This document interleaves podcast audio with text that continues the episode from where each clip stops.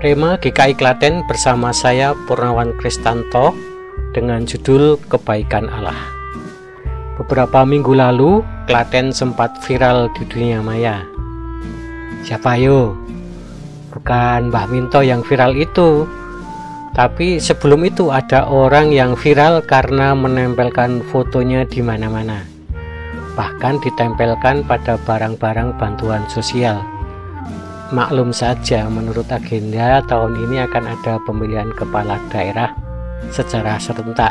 Entah apakah jadi dilaksanakan atau tidak karena ada wabah corona ini. Tapi menjelang coblosan, biasanya para kandidat akan memberikan janji-janji indah untuk memikat calon pemilih supaya memberikan suara kepadanya. Padahal kalau kita telaah, banyak janji-janji yang tinggal janji Begitu mereka menang, biasanya mereka melupakan janji-janji itu. Entah itu sengaja atau tidak.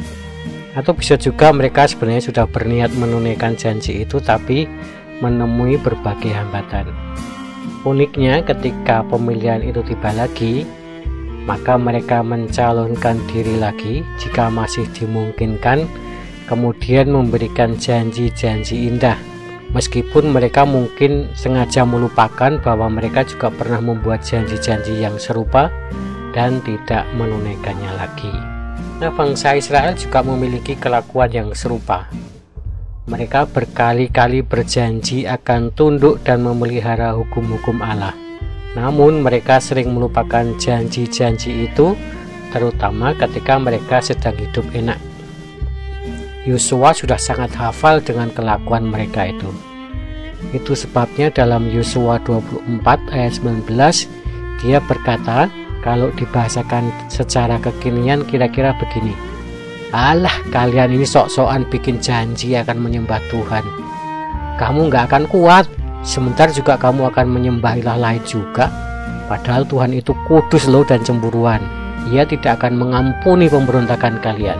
Akan tetapi bangsa Israel itu dengan pedenya berkata kepada Yosua, Oh tidak, hanya kepada Tuhan saja kami akan beribadah kata mereka. Wow keren, tapi kenyataannya bagaimana? Song, nol besar. Bangsa Israel sering tidak taat kepada Allah. Meskipun bangsa Israel sering berselingkuh dengan menyembah ilah-ilah, namun Allah tetap setia. Allah tetap setia dengan perjanjiannya. Allah tetap memberikan kebajikan dan kemurahan. Hal ini yang diungkapkan di dalam Mazmur 23 ayat 5. Mazmur 23 ini memang sudah sangat sering diulas, apalagi pada masa krisis seperti sekarang ini. Meski demikian, saya mendapatkan sesuatu yang baru di sini, khususnya pada ayat 5. Pemazmur menggambarkan Allah seperti tuan rumah yang menyambut tamu.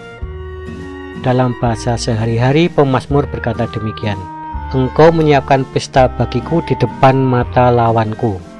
Engkau menyambut aku sebagai tamu terhormat. Engkau menyuguhi aku minuman lezat berlimpah-limpah. Menurut Mazmur ini, manusia adalah tamu yang datang ke rumah Allah. Di zaman Timur Tengah Purba, orang Yahudi sangat menghormati tamu. Tuan rumah berusaha memenuhi kebutuhan tamu, Selain itu, seorang tuan rumah juga bertanggung jawab atas keselamatan tamunya. Tuan rumah akan berusaha membuat tamunya aman dan nyaman.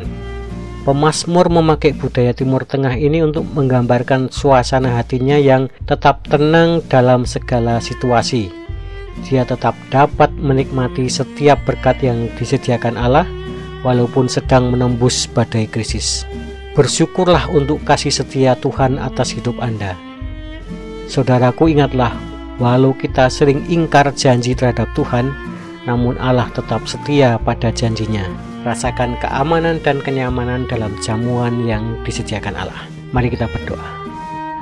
Tuhan ampuni kami karena kami sering berlaku tidak setia. Namun kami bersyukur Engkau adalah Allah yang setia.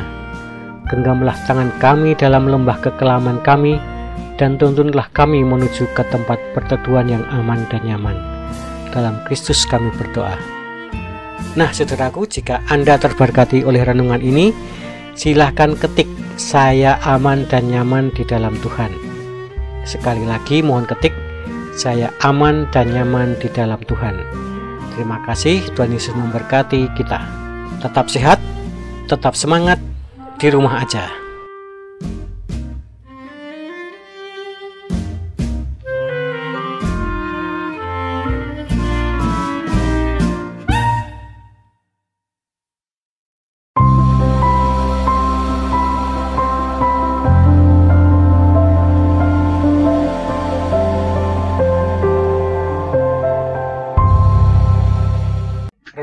Ini berjudul Inspirasi dari Pohon.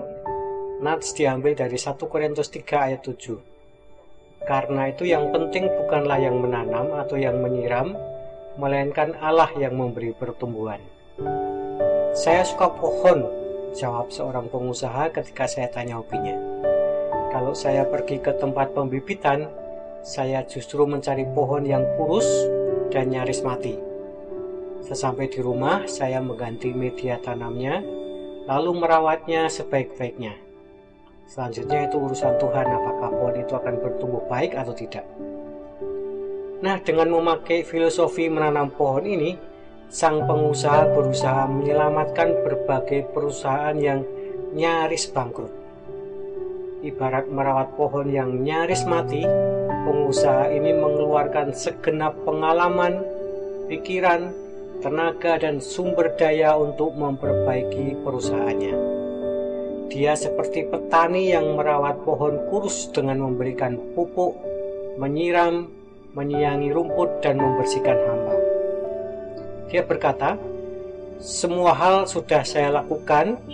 Setelah itu, saya menyerahkan kepada Tuhan untuk memberikan pertumbuhan kepada perusahaan ini." Prinsip ini tidak hanya berlaku dalam dunia usaha saja, tetapi juga dapat diterapkan dalam segala aspek kehidupan. Ketika kita melakukan sesuatu, hendaknya kita melakukan dengan sungguh-sungguh.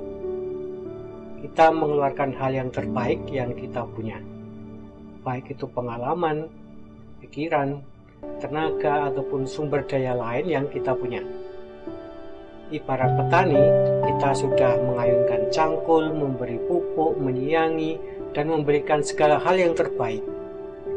Demikian juga pada hal yang lainnya.